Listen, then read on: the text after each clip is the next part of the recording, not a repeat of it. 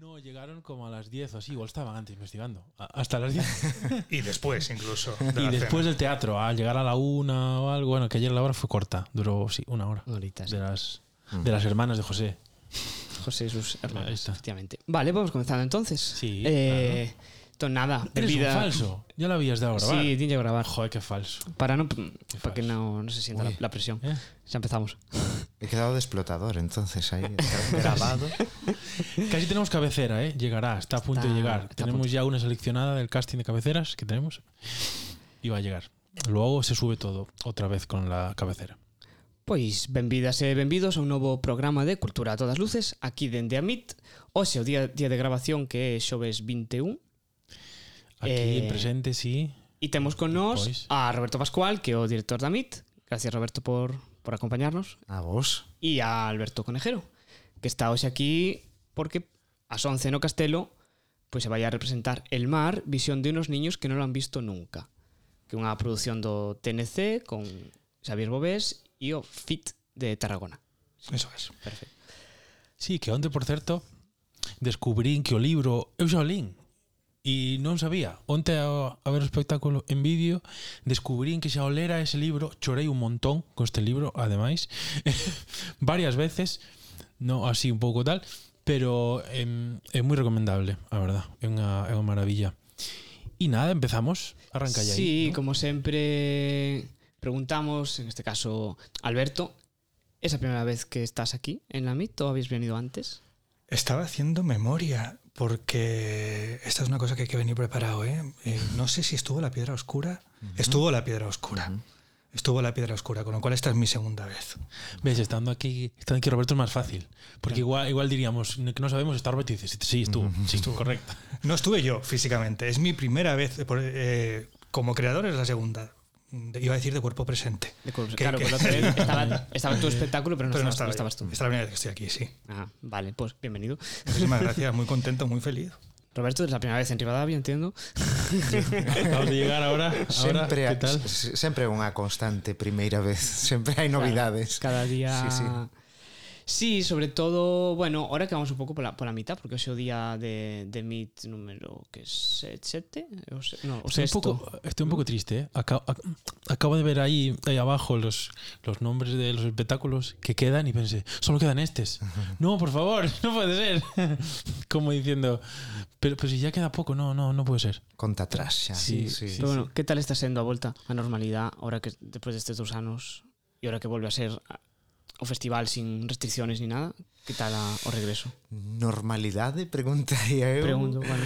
Non sei, non sei, uh, é unha situación rara, é unha situación eh ao principio eh pensábamos nunha normalidade baseada na festa, no encontro, puxemos estas luces na praza e eh, eh bueno, pois pues si sí, eh, hai unha certa normalidade con respecto ao ano pasado que foi unha edición moi mm, angustiosa porque o ano pasado pasado había estes peches eh, perimetrais mm. que para nós, bueno, a mí nunca deixou de facerse o festival sí. fixos en 2020, no 2021 con todas as súas eh, complicacións e os protocolos, pero eh, para nós eh, para o festival foi moito máis eh, complexa a nivel de, de xestión e a nivel de emocións o ano pasado que, que este, porque era sair sair do, do castelo e a unha a, a todos os bares tiñan tiña que pechar, entón había como un control policial claro. que non Acabou favorece... terraceo, claro. claro. É super importante en este festival. É fundamental. é fundamental. O terraceo posterior é importantísimo. Sí, sí. Eu creo que este ano incluso hai un exceso de terraceo ata as 4 da madrugada que non sei o que dirán as veciñas e os veciños aquí dos arredores da praza. Gin tonics. Pero... Eu vin fotos sí. incluso. Sí, de gin tonics. Sí, sí. Hai, hai, hai tendencia como de, bueno, pasa este verán bastante, ¿no? Mm. Que hai como unha cousa de, de compensar o de antes E, bueno, eu teño un pouco a sensación de que toda a festa que hai, a xente está a toda a, toda a festa. Como si, hai festa grande, vamos. No. Incluso, bueno, igual os planos culturales igual tiran un pouco menos. Están un pouco como con ganas de cousas máis excesivas, tiño eu. Pero bueno, como hai plans para todos os gustos, non hai problema. Sí. Sí, é certo. Eu tamén teño unha certa idea, unha certa sensación de, de saturación, mm. de hipersaturación de actividades. O mellor non tanto escénicas e máis musicais.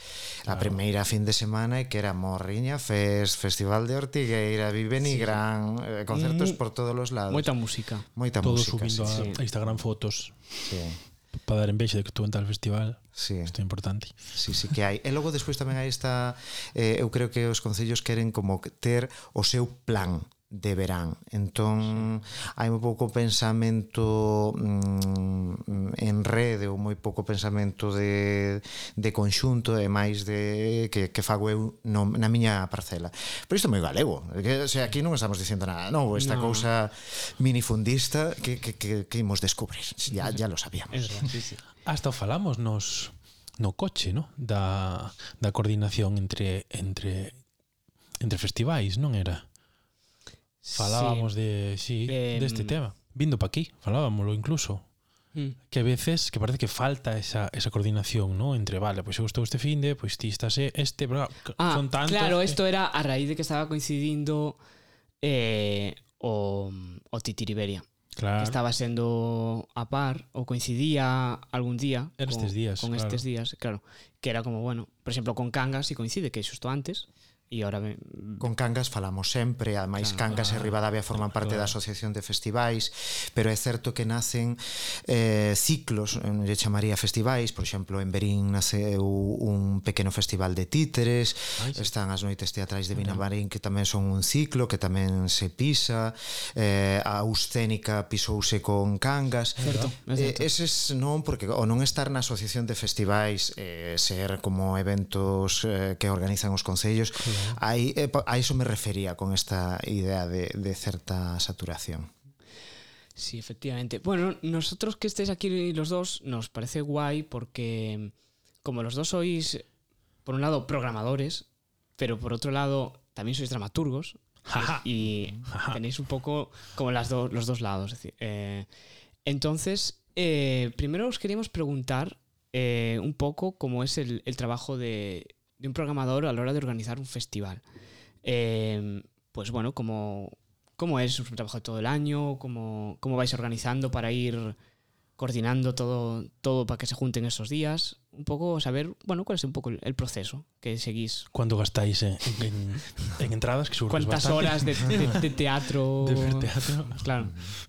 Entre vídeo, en directo. bueno. Alberto Bueno, en mi caso, eh, no sé hasta qué punto yo puedo dar una perspectiva o una experiencia, digamos, de cotidiano o de cierta normalidad, porque mi- la primera edición del Festival de Otoño que yo dirigí fue la del año de la pandemia. Del 2020. Guau, qué reto. Claro, yo llegué a la gestión cultural justo el año de la pandemia y la misión fue que el festival se hiciera, salvar el festival. Claro. Eh, Para nosotros la continuidad era fundamental, que el presupuesto se ejecutara. Las compañías venían de meses, eh, hablamos de noviembre, el festival de otoño, sin poder currar y para nosotros la prioridad... Claro, desde marzo. Claro, desde Más marzo nos, año, nos pilló, entonces fue llegar eh, y afrontar ese, ese reto. El segundo, eh, aún con restricciones. eh, Y este, eh, este tercero, digamos, es el festival donde yo puedo empe- he podido empezar a ocuparme de otras cosas que habían quedado aparcadas por la situación de, de emergencia. Eh, claro, Roberto tiene una trayectoria la gestión que, que yo no tengo de, de momento. Para mí ha sido todo un aprendizaje y un reto. He comprendido que aunque un festival, en el caso oficial de otoño, sea en tres semanas, siempre son vísperas del festival de otoño. O sea, todo el año es preparación del festival de, Claro. de otoño, porque siempre hay tareas que, que realizar, que armar. Comprendes la vinculación del festival con el territorio, la import- lo importante del legado del propio festival. Nuestros festivales tienen décadas detrás, ¿no? con lo cual también somos, o así lo siento yo, eslabones de una cadena de la historia de un territorio, de una tradición, de los hombres y mujeres que nos han precedido, ¿no? y cómo intentar, por un lado, mantener ese legado y por otro lado, pues ejecutar tu poética o, o- o tu mirada. Y en el caso del Festival de Otoño de, de la Comunidad de Madrid, es un festival, claro, lo pensaba estos días, yo confieso mi... Quiero aprovechar este viaje para empaparme de la historia de, de este festival, del, del territorio y aprender mucho de Roberto y de, y de su gestión del festival. Pues claro, en el caso del Festival de Otoño, es un festival de toda la Comunidad de Madrid. Yo pienso mucho en la relación entre el festival y el territorio. Antes hablabais de la coordinación de los festivales, ¿no? de, las, eh, de cómo de repente hay cuatro festivales a la vez. Claro, en el caso de la Comunidad de Madrid es una ciudad, es un territorio que tiene teatro continuamente todo el año. Sí. No voy a, no voy a hablar parar, nunca de, un exceso de programación, porque las artes escénicas no es así, pero una oferta cultural muy amplia. Constante, constante, sí, y adem- y, de norte a sur y de este a oeste. Entonces, Muy para mí el reto claro. era generar una identidad, recuperar cierta identidad del Festival de Otoño, porque un festival es, una, es su identidad también, no solo lo que programa, sino cómo la gente reconoce cierta naturaleza, cierto carácter del festival que lo distingue de los otros por su vínculo con el territorio, por el tipo de programación, lógicamente. Y en el caso de- del Festival de Otoño, pues eh, yo he tratado al principio de convertirlo en un festival de creación híbrida, que creo que Madrid necesitaba ese espacio de, un lugar de creación, lo que llamamos creación híbrida, descentralizarlo. Eh, yo criado en el extrarradio de Madrid, he vivido y he comprendido lo que significa no tener un acceso a la, cultura por cuestiones de territorio y de renta económica, porque el territorio es renta, eso hablamos también. Sí. Entonces, descentralizarlo, que no solo sea Madrid eh, capital, sino en todos los municipios de la, de la comunidad. Y luego, algo que preguntabais también, y ya cierro, que me estoy enrollando mucho. Eh, claro, eh, la gestión cultural se puede ejercer de múltiples formaciones. Es fundamental la configuración del equipo, el saber, el saber hasta dónde uno llega y uno no llega, uno sabe y otro no sabe. De luego, yo tenía una experiencia eh, de mi propio oficio, de recorrer los festivales como, como creador, también la inquietud de un amante de, de- del teatro, pero es fundamental armarse de los equipos que puedan eh, ejecutar tareas para las que están especializadas. Y como creador, pues es lugar a veces complicado, ¿no? Porque es como una suerte de agente doble. Eh, yo he tomado decisiones, por ejemplo, yo no me he programado en el Festival de Otoño, a mí mismo como creador. Ni he programado a nadie que estuviera muy cerca de mí, de ningún parentesco, digamos, eh, directo. Bueno, decisiones que tienes que tomar. Pongo esto de ejemplo, ¿no? De las relaciones, porque ya ha sido difícil, ¿no? Yo creo, eh, y ahora sí que ya cierro la, la respuesta larga. claro. También aprendes, por ejemplo, qué importante es cómo se gestiona un no. Eh, Un festival también es importantísimo cómo se gestiona el no, o este año no, o en esta edición no, o aún no, o resulta que, que- que no, que es un no porque de repente hay una propuesta que ha llegado igual de valiosa eh, do- dos semanas antes y de repente tocan el mismo tema y el que te trae la propuesta es un compañero. Ha sido un compañero, es un compañero y será un compañero. Es delicado eso. Sí, también yo tengo claro que siempre hay una naturaleza provisoria de las direcciones artísticas. Bueno, en toda esta profesión es siempre una escalera, peldaño arriba, peldaño abajo, si la miras así.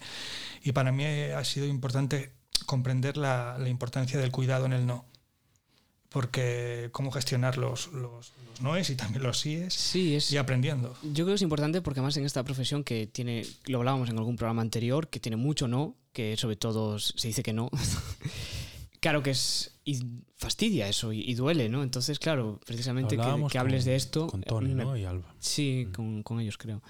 Claro, que, que te digan que no, no es lo mismo decirlo de una manera o de otra, te puede afectar, puede ser constructivo incluso eso, bueno. Ah, En ese sentido, claro, y por ejemplo la experiencia de todos los nues que yo he recibido y que recibiré, pues me ha sido muy valiosa a la, hora de, de encarar, ¿no? Porque sobre todo cuando es un no en tu festival, en esa edición, en ese momento. Eso no es un juicio sobre la propuesta, no es un juicio sobre la calidad de la propuesta o sobre el sentido de la propuesta, porque es que al final los festivales tienen un montón de variables, desde la paridad, la cuestión lingüística, el tipo de lenguajes que tiene que conformar un festival. Lo mejor te llega una propuesta de danza espléndida, pero es que justo ya tienes, digamos, la parte de danza eh, Cubierta. cubierta o una cuestión temática. Te llega una propuesta maravillosa, pero es que justo otro espectáculo se ocupa de la misma temática, ¿no? Y, yo creo que, un festival tiene que, al menos desde la dirección artística, gestionar esos noes, gestionar también... eh, es algo que, que yo quisiera ahondar ahora que hay cierta normalidad, o estamos más o menos en una normalidad, en no solo ser un festival de exhibición, en el caso del Festival de Otoño, que era el modelo que yo heredé y que quiero transformar, que sea un festival también de producción, de coproducción, de acompañamiento de las propuestas, de estar con los creadores y creadoras fuera de nuestro periodo de, celebración, ¿no? de poder generar propuestas eh, para el Festival de Otoño y que no sea solo un puerto de llegada, también un puerto de, de salidas de propuestas. Y bueno, pues ahí son cambios en la administración, cambios en la concepción del festival que hay que hacer con tiempo. Ya la última imagen es como si de repente te viene un transatlántico y tú haces así con el, con el timón, haces un esfuerzo tremendo y crees que has virado el, el rumbo mucho y lo has virado a lo mejor un poquito. unos- un poquito, Claro. pero ese poquito es lo fundamental. ¿no? Claro, otra. Ahora, mm, esto como mapa vuestro, como directores del festival, nos interesaba conocerlo y también nos interesa, como, pues la otra parte que decía antes, ¿no? Eh, como autores, como dramaturgos. Eh, en todos los programas anteriores estuvimos eh, preguntando, digamos, por esos cimientos y por esos em, pilares fundamentales a la hora de crear pues, un texto, un espectáculo, una coreografía. Y un poco también os queríamos preguntar eso mismo a vosotros, ¿no? Eh, a la hora de, enfrentaros a una historia o plasmar una idea, desde dónde nace qué tiene que estar para que, bueno, para que eso se nazca ¿no? y salga hacia arriba. Que aquí, bueno, yo antes, antes pensaba que como curiosidad, no lo sé, pero igual se, se produce algo a la inversa, Sí. que es que, que, que tú, Alberto, decías que, que estás empezando con la, con la gestión, pero claro, aquí igual se, da justo lo contrario, que es que, contrario. que es que Roberto está, empe- eh, digamos, empezando como, como dramaturgo, bueno, tampoco sé lo que llevas escribiendo, pero aparentemente se produce el lado inverso. Bueno, este, este ano Que- ves de ganar o, o Claro. Dieste, ¿no? Con eh, é o meu nome de guerra. Eso. Sí. Claro. Eh, entonces tamén por eso a pregunta e por eso pensábamos tamén cando cando pensábamos na entrevista, precisamente. Pois, pois, pois mira, eh, sí, sí, eh, en certa maneira sí, eu atrevínme a, a escribir eh, Eh, eh, a escribir grazas tamén a todo un traballo que entendo que é moi creativo que é o traballo de xestión, o traballo de mediación. Estou moi de acordo en todo o que dixo Alberto con respecto a, a dirección do festival a importancia de pensar o territorio o elo dunha cadea.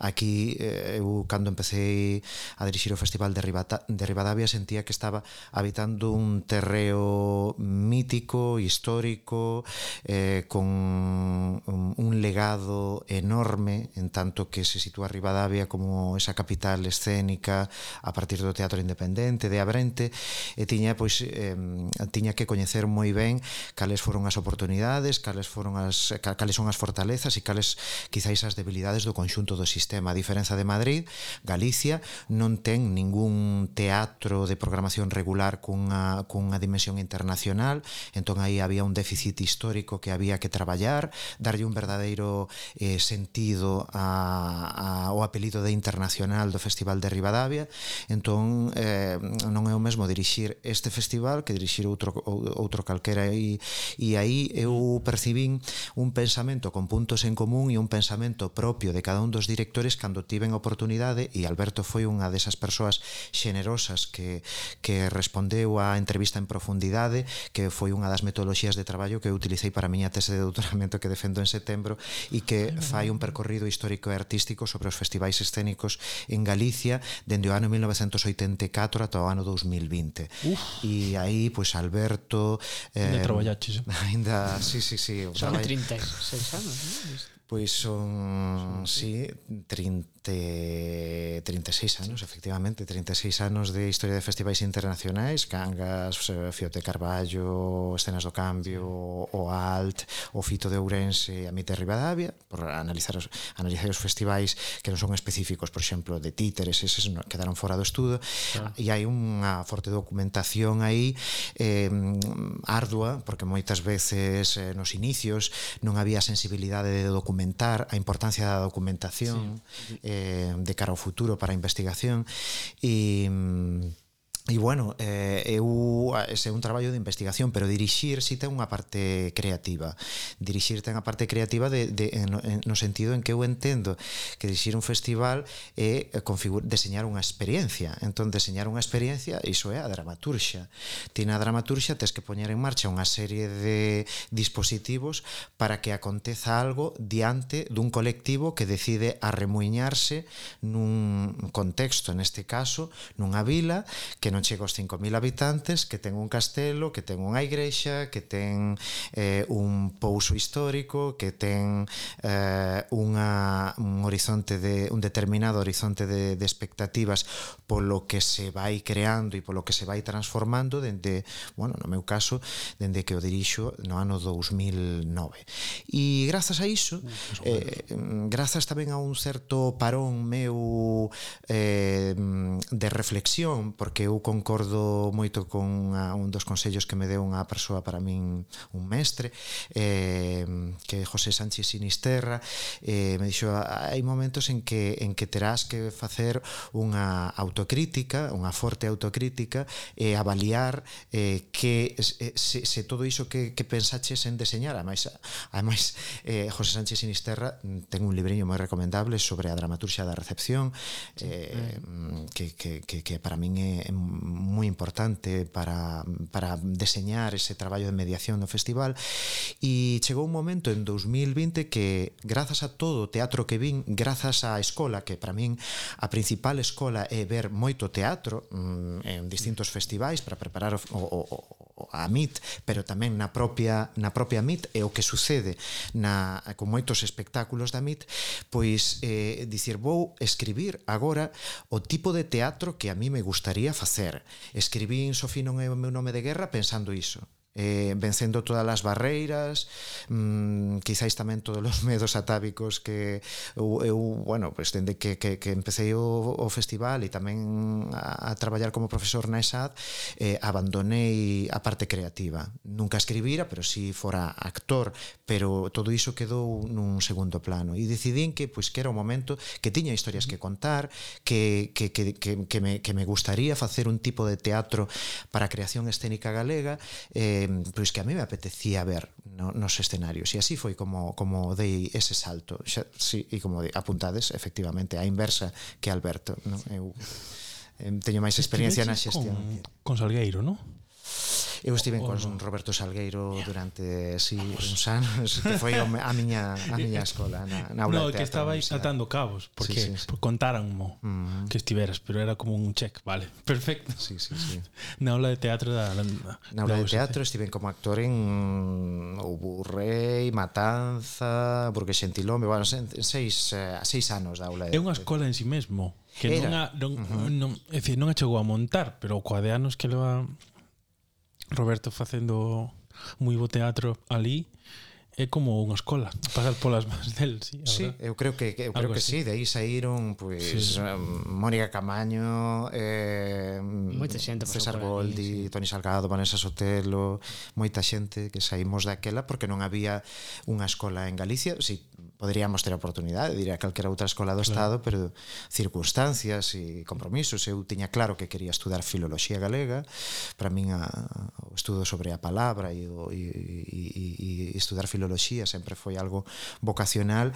Eh, claro, decidí facelo na Universidade de Santiago porque me parecía mellor, eh, o mellor sitio para estudar esa carreira. Que din que a USC das, das mellor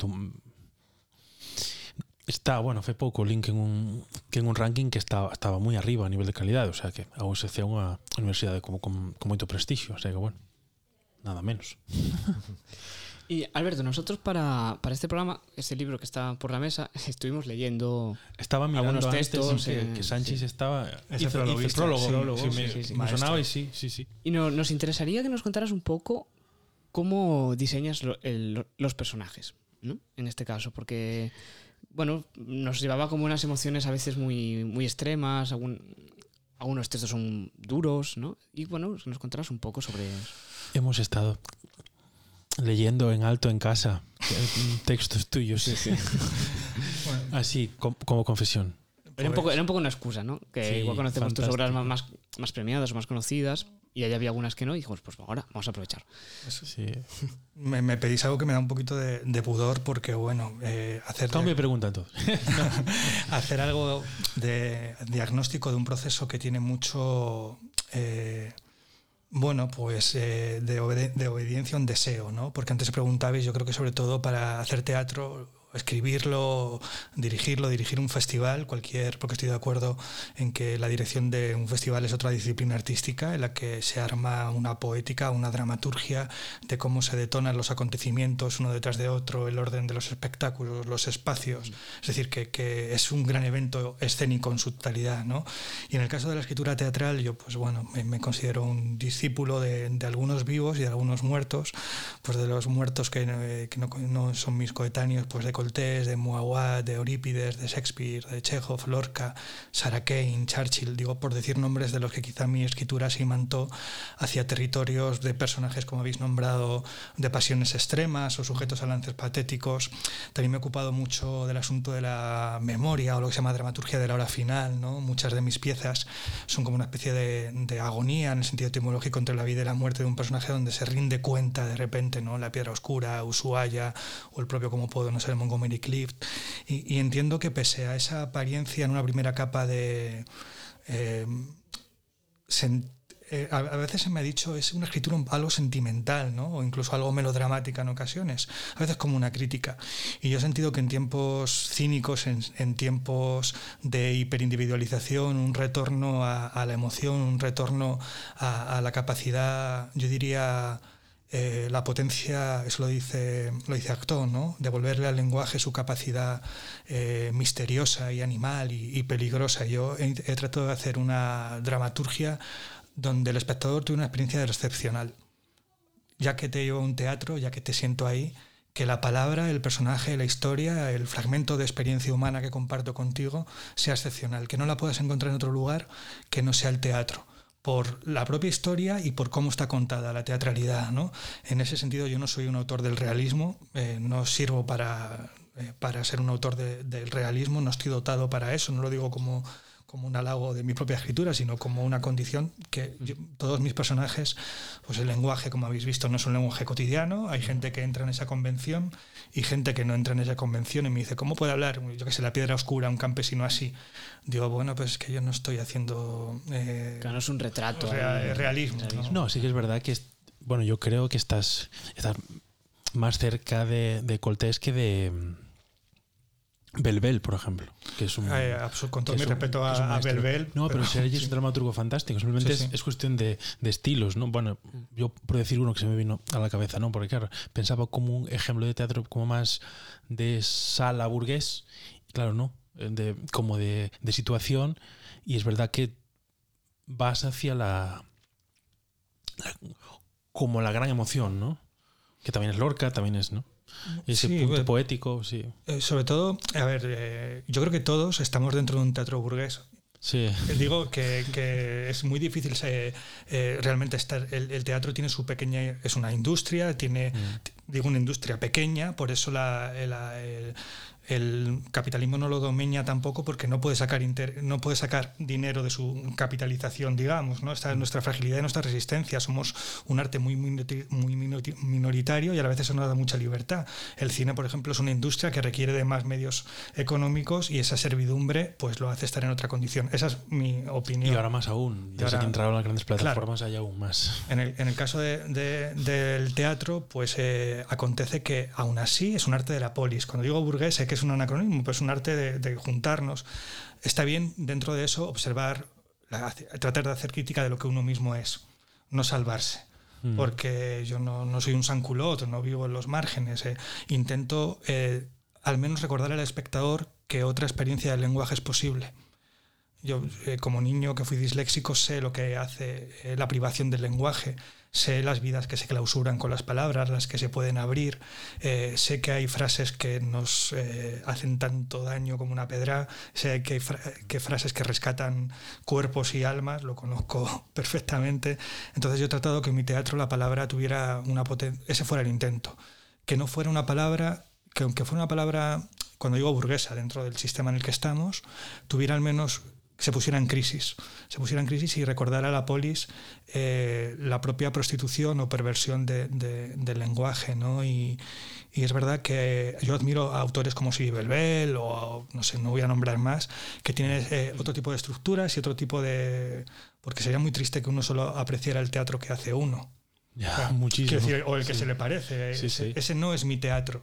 Pero qué bien que exista ese teatro y que las salas eh, se llenen y que exista todo tipo de poéticas y que algunas te confronten, otras te dejen dentro y fuera. Es decir, que el teatro que a mí me gusta no, tiene, no me gusta no tiene por qué ser un mal teatro, simplemente a mí no me convoca. Y esos autores tienen a lo mejor un manejo de los recursos de la trama, de la comicidad, de, bueno, eh, en mi caso, y ya cierro, eh, sobre todo el intento es recordar eh, la, la, la, naturaleza peligrosa del lenguaje. yo diría mistérica, que salva y que condena, llevar historias que el espectador no puede encontrar en el cotidiano, o sea, una experiencia de lo excepcional, que esa palabra que acontece en un escenario tenga una materia que solo puede suceder en un escenario que no sucede en un parlamento, que no sucede en un periódico, que ni siquiera sucede, no, que no sucede, que es una que es una palabra que es eh, bueno anhelante de cuerpo y una palabra que quiere alcanzar otro cuerpo que está ahí presente, ¿no? Y es lo que he intentado con mi dramaturgia. La obra que, que, tra que traemos a, aquí a, al, al MIT precisamente es una crisis de todo esto que os estoy contando.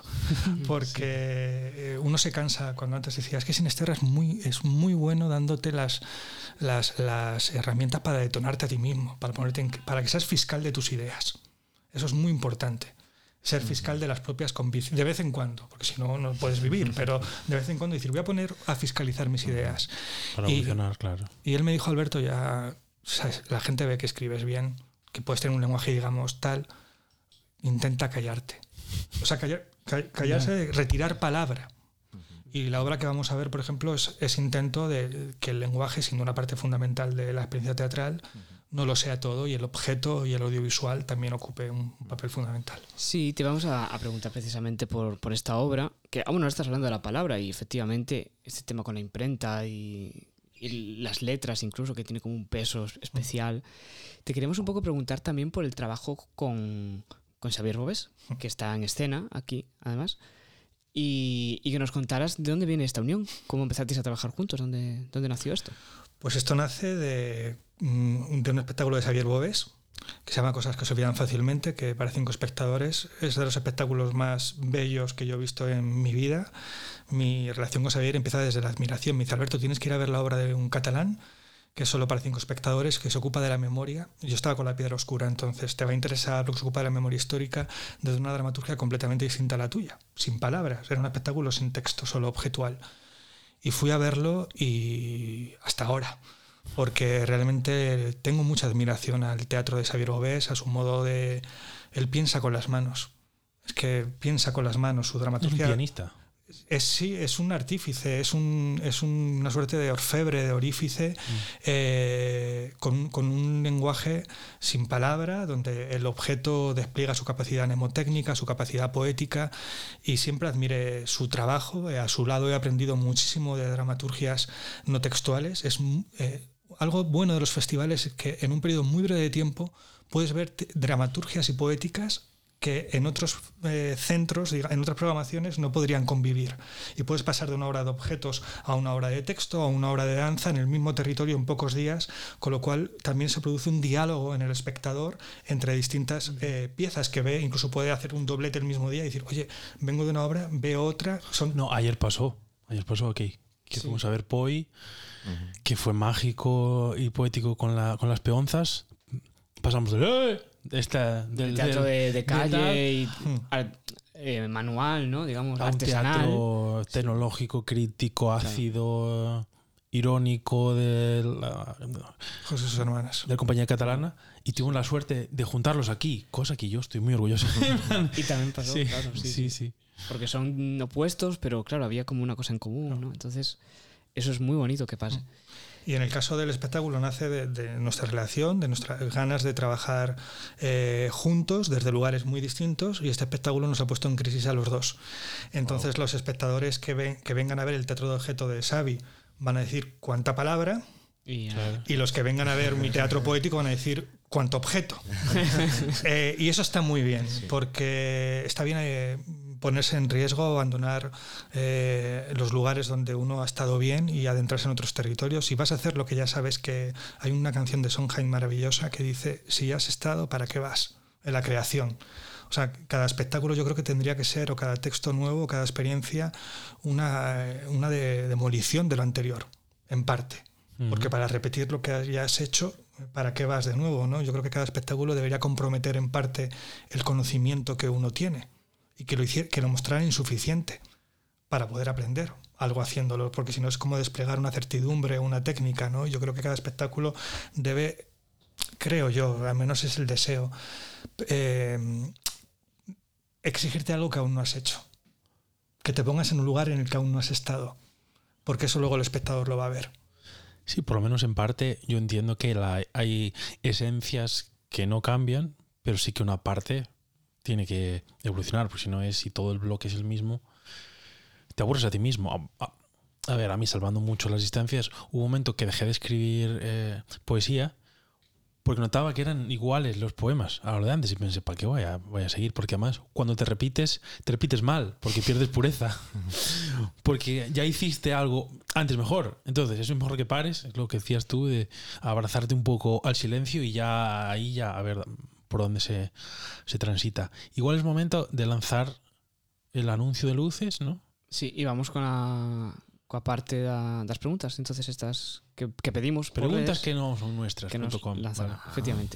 E o anuncio que toca, non me cal é, creo que este, este o segundo. Yo creo que es eh, eh, actualidades. E ese cal é o, o segundo. Sí. Vale, pues este. Si no, luego, luego. Ben, boas, eh, como Pony Pre ou Pony Express atravesando tormentas que nos amenazan e o que faga falta estamos aquí outra vez a actualidade está sobrevalorada ese podcast no que actúan e brillan Ana Luisa Bouza, hola Ana Hola, que tal? Antón Losada Boas, casi me gusta máis o de Pony Press que o de Pony Express Sí, temos máis que ver coa información que con correos. Pues, Aparte de, de pequeno sempre quixen ter un pony. Eh, joder, todo o mundo. Como cada mércores en luces.gal, a actualidade está sobrevalorada.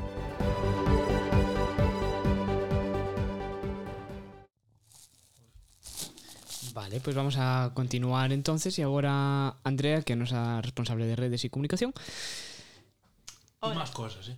acércate un pouco, porfa. Vale. Aí, Un pouco máis. Vale. Gira, o- gira para ti un giro pouco o para micro. mí. Sí, vale. sí. Uh, Pégate. vale. Aí, Hola. Aí, aí ahora. Vale, sí. qué nervios, a miña primeira vez falando por micrófonos. Hola, esta es mi voz. Culturcensas, culturucenses. Encantada. Vale.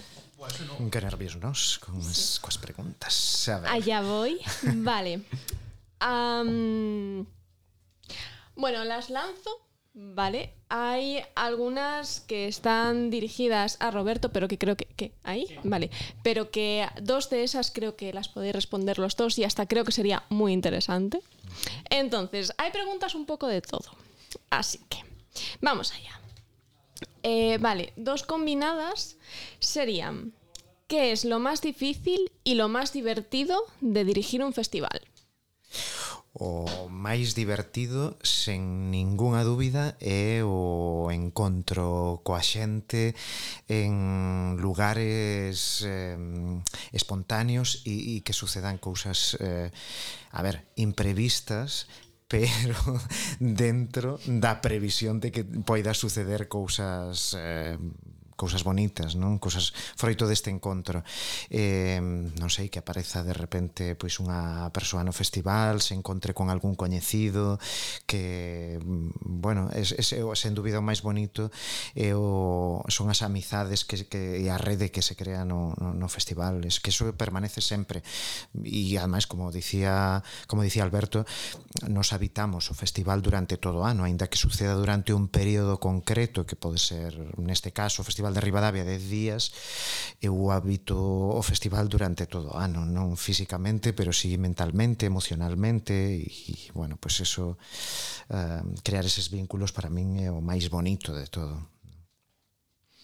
Pues lo más bonito, pues cuando tiempo después de un festival, porque también la memoria del teatro es muy, muy fugaz, pero alguien te dice, yo descubrí a este creador, esta creadora en el Festival de Otoño, o nunca voy a olvidar esta experiencia en un festival, ¿no? Cuando comprendes que ha sido importante para los espectadores y también para la comunidad artística de- del territorio del festival, ¿no? De este espectáculo me inspiró, o lo que dice Roberto, que pude conocer a este creador y a partir de ahí surgió un, un proyecto, ¿no? Porque los, los festivales eh, tienen un tiempo muy concreto de celebración, pero es hermoso ver la huella que dejan, ¿no? Tiene esa intensidad del encuentro que sabes que es una cuenta atrás, porque cuando nombrabais antes, ¿no? Empieza un festival y ya te descuidas, el festival ya está terminando y sin embargo es, es hermoso y, bonito eh, ver las huellas que dejan en la gente, en el territorio, los espectadores y también en la comunidad artística.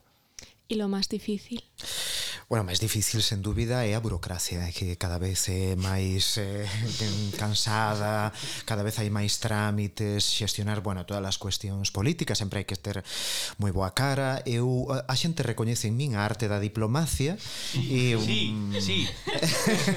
entón, bueno, vou non xestionando ben, pero sí é certo que é cansada a burocracia e cada vez hai máis. Bueno, la comprensión de que hay cosas que no se pueden cambiar, Hay cosas que a las que uno no llega, o sea, que uno tiene que decir hasta aquí he podido hacer y esto no lo he podido hacer y hay cierta tristeza. Y también en mi caso, pues eh, lo ha dicho Roberto, ah, como creador, eh, yo no me tomo esto como una licencia del creador porque sigo ahí y estoy escribiendo y he escrito un poemario y ahora empiezo a escribir otra obra. Pero si no hubiera sido por Xavier y porque hemos hecho esta obra en familia, digamos, eh, un festival a mí me, está comprometiendo, yo me di cuenta de que un festival compromete o, eh, tienes que subordinar, eh, en mi caso, el tiempo que dedicaba a la creación, porque un festival es una responsabilidad con lo público y eso es, es que eres un servidor de lo público y de lo común. Entonces tienes, muchos, tienes algunos privilegios, pero también tienes muchas servidumbres porque te, eh, tienes la responsabilidad de gestionar lo público.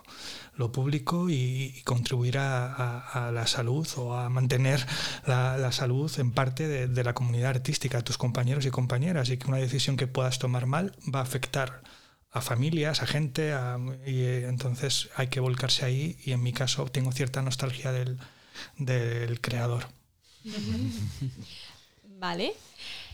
Siguiente pregunta. ¿Algún consejo para un joven dramaturgo que quiere montar su primera obra? Ui.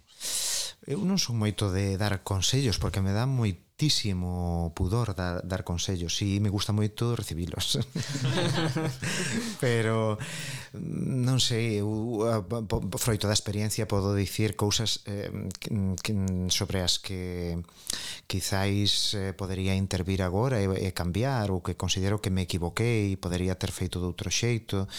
Eh, pois non sei eh, o consello que, que, que eu, que eu daría é saber romper as, as, as propias eh, barreiras os, os propios medos no tempo preciso no tempo xusto porque iso eh, sempre vai ser un motor mm, poderoso a hora de, de crear.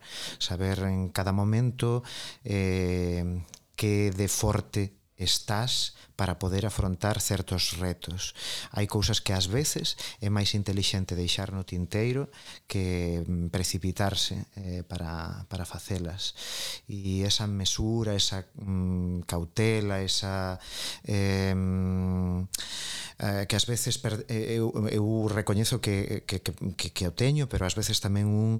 Eh, Mm, o que se di venirse arriba e, e se precipita con certas cousas eh, eu creo que sempre hai que ter moita cautela con iso a hora de crear, a hora de dirixir un festival eh, sempre hai que ponderar pros e contras e saber eh, cal é o momento oportuno para poder leválo a cabo Muy rápido, van ligadas. Uno, el teatro siempre es la negociación entre lo ideal y lo posible. Que hay que sostener cierta frustración, saber que lo que uno quería, lo que uno puede hacer, eso es precisamente el teatro, porque es un arte muy material, pragmático, desde dónde ensayamos, cuántos actores puedo tener, el tiempo, los recursos, no frustrarse entre la idea de la cosa y lo que la cosa puede ser finalmente, porque eso es el, el, el viaje y eso es fundamental, igual que un festival, de lo que podía, lo que tú soñabas a lo que es, bueno, pues lo que es al final es todo lo posible y bien está. Eh, lo segundo, que el teatro siempre se hace con, con otros, hay que negociar imaginarios siempre, que se busque buenos cómplices, porque además él es el que va a pasar más tiempo con su obra, que haga lo que quiera, lo que disfrute y lo que le guste más, porque los que pasamos más tiempo con la obra somos nosotros mismos. Entonces que no quiera parecerse, que no tenga deseos de, que no haga para agradar, sino que, que haga lo que él desee o lo que ella desee, porque al final los que pasamos más tiempo con las obras somos nosotros. Vale, por aquí estáme dicindo que só hai tempo para unha máis, o cal é unha pena porque aquí veñen preguntas super divertidas. Escolle ben, eh, escolle ben. o si non facemos respostas rápidas, así vale. Vale, máis venga, respostas rápidas. Vale. Estas para... dan para respostas rápidas. Vale, vamos rápido. Colle concurso. Venga. Película ou serie que amáis en secreto? Eh? Amáis en secreto. A máis en secreto. O sea, guilty pleasure. Guilty- a guilty pleasure audiovisual. Pues a mí me gusta esta de los condes de Bridgerton. Bridgerton. Ah, los Bridgerton. Sí, es que me gusta mucho la- el actor de las orejitas, que no me acuerdo cómo se llama. Eh, Pero es un placer muy culpable esto. Qué vergüenza. Bailey, no sé yo, no sé yo. Ah. Bueno, pues confeso, no sé, sexo en Nueva York. Perfecto. Bueno. Vale. Pregunta que queréis responder pero que nunca os hacen. Ostras, está... Yo qué sé, quieres un millón de, de euros. No sé, no, es broma, es broma. Pues no lo sé, no sé. Bueno, podemos, podéis pensarla Sí, y ya sí, sí. después, si queda alguna en el tintero, pues allá vamos. Vale, ¿con qué dramaturgo o dramaturga vivo o muerto os gustaría hacer una colaboración? Pues eh, yo seguramente con Carol Churchill. Muaguat. Vale. Obra de teatro que os da vergüenza admitir que no leísteis o no visteis. Ostras. Hostias, perdón. Vergüenza, Caracoles. pero vergüenza porque forma parte del canon. Claro, Sí. como un clásico Un que clásico. nunca... No, no sé. Está Pues no complicada esa, ¿eh? Está- Yo- Que damos clases. Esta, Entonces, esta gente ha visto Estamos, mucho claro. teatro. o sea, nos hemos claro, preparado mucho los temarios. claro, las oposiciones. Yo tengo una que es La Piedra Oscura. Vaya. Bueno, yo confieso que solo eh, que no vuelvo al Sil de las niñas y no esforzado. De Moratín. Vale, vale. Sí, Buena, vale. buena. Bueno, Estoy contigo. por decirlo. Roberto, ¿algo que añadir? Pues no sé si alguna de Lope de Vega, pues que no haya leído, o bueno, mm, sí, o de Calderón, pues del- Como tiene pocas López. Claro. Vaya, es que no me lío las 400 que se conservan. Igual, alguna igual. claro, alguna a lo mejor está por ahí. Es- Vale, sí, sí. vale, vale, vale. ¿Tenéis juegos en el móvil? Y si tenéis, ¿cuáles son y cuánto tiempo dedicáis a jugar? Esta es fuerte. ¿eh? Nada, yo no tengo nin- ningún juego, no soy nada de, de- de jugar. Mm, nada de nada. Mi, mi juego es de, de un niño rural. eh, yo juego con, yo, yo juego con juego con un palo y con, con- Yo no tengo móvil, no sé qué es eso. no, no, no, no. Yo tengo uno de zombies, que así que de zombies que no zombies de estos que dan miedo, de zombies como dibujos, de sí. cabezones que se comen otros zombies. Y tengo uno de estos de, de como fish de un acuario, no sé. Pero lo hago casi como una lobotomía, ¿ves? Por, sí. Perfecto. Vale. ¿Cuál es la combinación de comida más rara que os gusta hacer? Uy. A mí, por ejemplo, una cosa que me gusta muchísimo es eh, los espaguetis, meterlos dentro del pan y comer como bocata de espaguetis. Me encanta. Y eh, las nubes de azúcar de estas de gominolas, comerlas con patatillas, uh -huh. mezclarlas. Ostras, es muy difícil superar. Carai, superar iso sí, imposible sí. para min, eh? Para min unha innovación xa é pois pues, unha, un, un plato que, que, que pode mm, en, en, en xeral na nosa gastronomía somos moi conservadores, non? E sí, cando fas un plato así un pouco arriscado xa... Pues, na... En eso, en outra cousa tamén. sí, sí, sí, sí. A mí gustaba moito mesturar, non? E cando vou a algún país e vexo así sabores que me gustan, fago. Pois, por exemplo, eu fago uns saquiños onde meto eh, carne de porco con dátiles. E, bueno, ah, eso xa para min é unha uh. super innovación para moitas persoas. Está rico, eh? bueno, yo, yo hago gazpachos de cosas muy, muy raras. Me gustan mucho las sopas frías, entonces hago gazpacho de sandía, o gazpacho de cerezas, o tomate con cereza. Soy ahí un, un andaluz con, con mi traidor al, al la receta clásica del gazpacho. Bien, bien, bien. Más, ¿qué opinaron vuestras familias cuando dijisteis que querías dedicaros al teatro? Que tenía mucha salida. Que mejor eso que medicina. Pois a mí simplemente me dixeron Ah, e cando te podemos ir ver? Ah, pues mira. Que a mis padres les costó un poquito más porque por desconocimiento, porque no había nadie en mi familia relacionado con el teatro ni con las artes en general. Eh, pues lo típico de eso, estudia otra cosa y luego si quieres dedícate al teatro, eso no da de comer. Entonces me puse a trabajar a la vez que estudiaba arte dramático y con eso se les apaciguó el miedo y ya está. Y de no dedicaros a esto, la segunda profesión plan B. Ah, eu sempre tive vocación xornalística Maestro de escuela. Perfecto. Vale. Si pudieses viajar a cualquier época de la historia, ¿a dónde iríades, por qué y qué objetos llevaríais?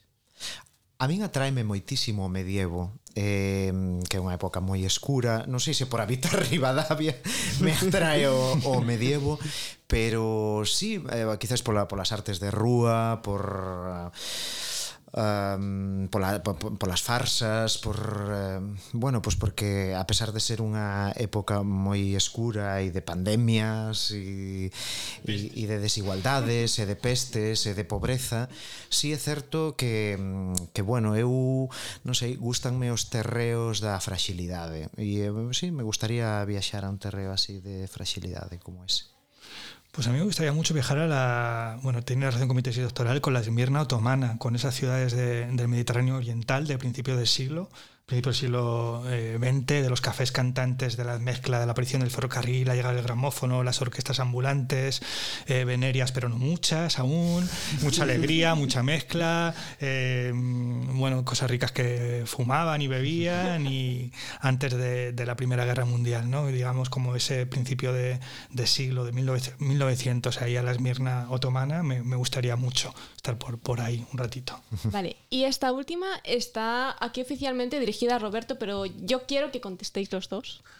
Vale, ¿cuál es vuestro personaje de Disney favorito y por qué? Y no vale decir que Disney es una cosa para niños. El mío es Pumba. Gracias. Pero el Disney, Disney clásico, ¿no? Disney clásico. Porque si no, ahora Disney vale, es una cosa Disney muy clásico, grande acortamos, y claro, acortamos. claro. Uh, pois eh, quizáis eh, de algún de, del Rei León eh, seguramente uh -huh. todos eh, escollería calquera del Rei León eh, quedaríame eh, con uh -huh. Pues yo voy a decir una cosa, me apellido conejero y me hacían la broma y antes no me gustaba, pero como te lo apropias las cosas, yo diría tambor. Tambor, tambor. Diría tambor de, de Bambi porque me lo llamaban de chiquitito y no me gustaba y ahora digo, pues mira, un conejo simpaticísimo. Ta- Tambor. Yo, yo tengo un peluche de, de tambor, pero, pero de hace poco, ¿eh? Tampoco penséis que era de mucho, ¿no? Bueno, pues entonces, hasta aquí. Ah, o- es la del coche, la del coche. La del coche, Haz la del fechamos. coche. Vale. que canción vos gusta escoitar, eh, bueno, escuchar en el coche, a, de esto que, que subís el volumen e la cantáis a, aí a pleno pulmón? Eu son moito de, de, de cambiar de cancións Depende do momento, non teño así ningunha A miña canción é a canción do, do, que me presta nese, nese momento emocional concreto Non hai ningunha así que me libere ni nada. Claro, entón, claro, entón a da hora A que tes agora A que teño agora? Eh, ah, a, a que me está rondando eh, claro. pois eh, pode ser eh, budiño mm, e pode ser a de mm, a que me leva a México Ah, do do disco novo. Uh -huh. Eu estaba cando cando nos nos é dicir, houve un día no baixo na illa que nos que nos presentou ese tema. E estaba todo todo nervioso dicindo, bueno, estou aí investigando e eu dixen, "E isto es, isto es Mon Laferte, bu- Sí, hai unha budiño", mestura aí dixen de budiño E dixo, sí, pode Entre ser. Catrinas entre uh -huh. Sí A mí me gusta mucho Mecano, es una cosa de adolescencia y yo me pongo un barco a Venus, me pongo un 7 de septiembre y like lo di todo. Me esperaba algo en plan Taylor Swift, Rosalía, guau, yo me muero con... Bueno, Roberto es más joven, pero es que yo estoy a los 44 que he cumplido ahora, entonces al final uno vuelve a, la- a las canciones de la adolescencia. Placeres culpables. Sí. Pois eh, moitas gracias Roberto por o teu tempo Que seguro que tes que ir, que tes cosas que facer eh, Alberto, gracias por vir aquí Estar con nós foi un placer. A vos. E para pechar nada, como sempre, darlle as gracias á revista Luces por apoiarnos, a e a xente que está na produción, a Juan Janeiro, a Rui Rodríguez e a Andrea, que hoxe estivo aquí en voz e nos recorda que, por favor, as redes sociales que estamos aí, que nos podedes seguir. E podemos poñer, por si acaso, por si os de os de Becano se enfadan, podemos poñer a, a Budiño, que como é colega noso, se hai unha, unha xestión de dereitos, non teño problema en facelo. Vale, pois, pues, pois, pues, fechamos, pois pues, fechamos con esa canción. Moitas gracias. A vos. Chao.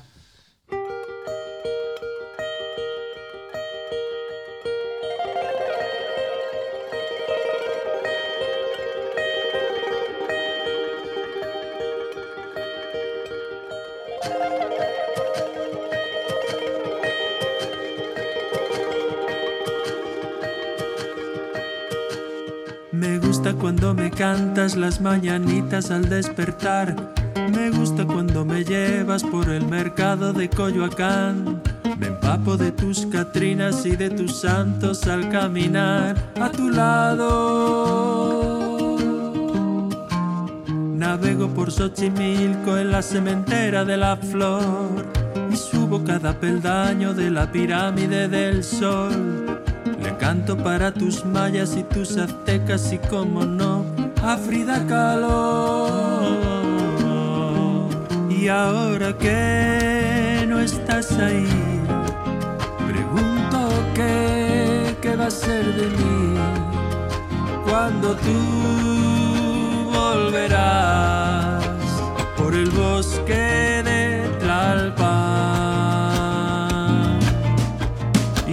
muero por volver y volver, volverte a ver. En mi sueño hoy te vi en mi luna como ayer. Me gusta cuando me cantas las mañanitas al despertar. Me gusta cuando me llevas por el mercado de Coyoacán. Me empapo de tus Catrinas santos al caminar.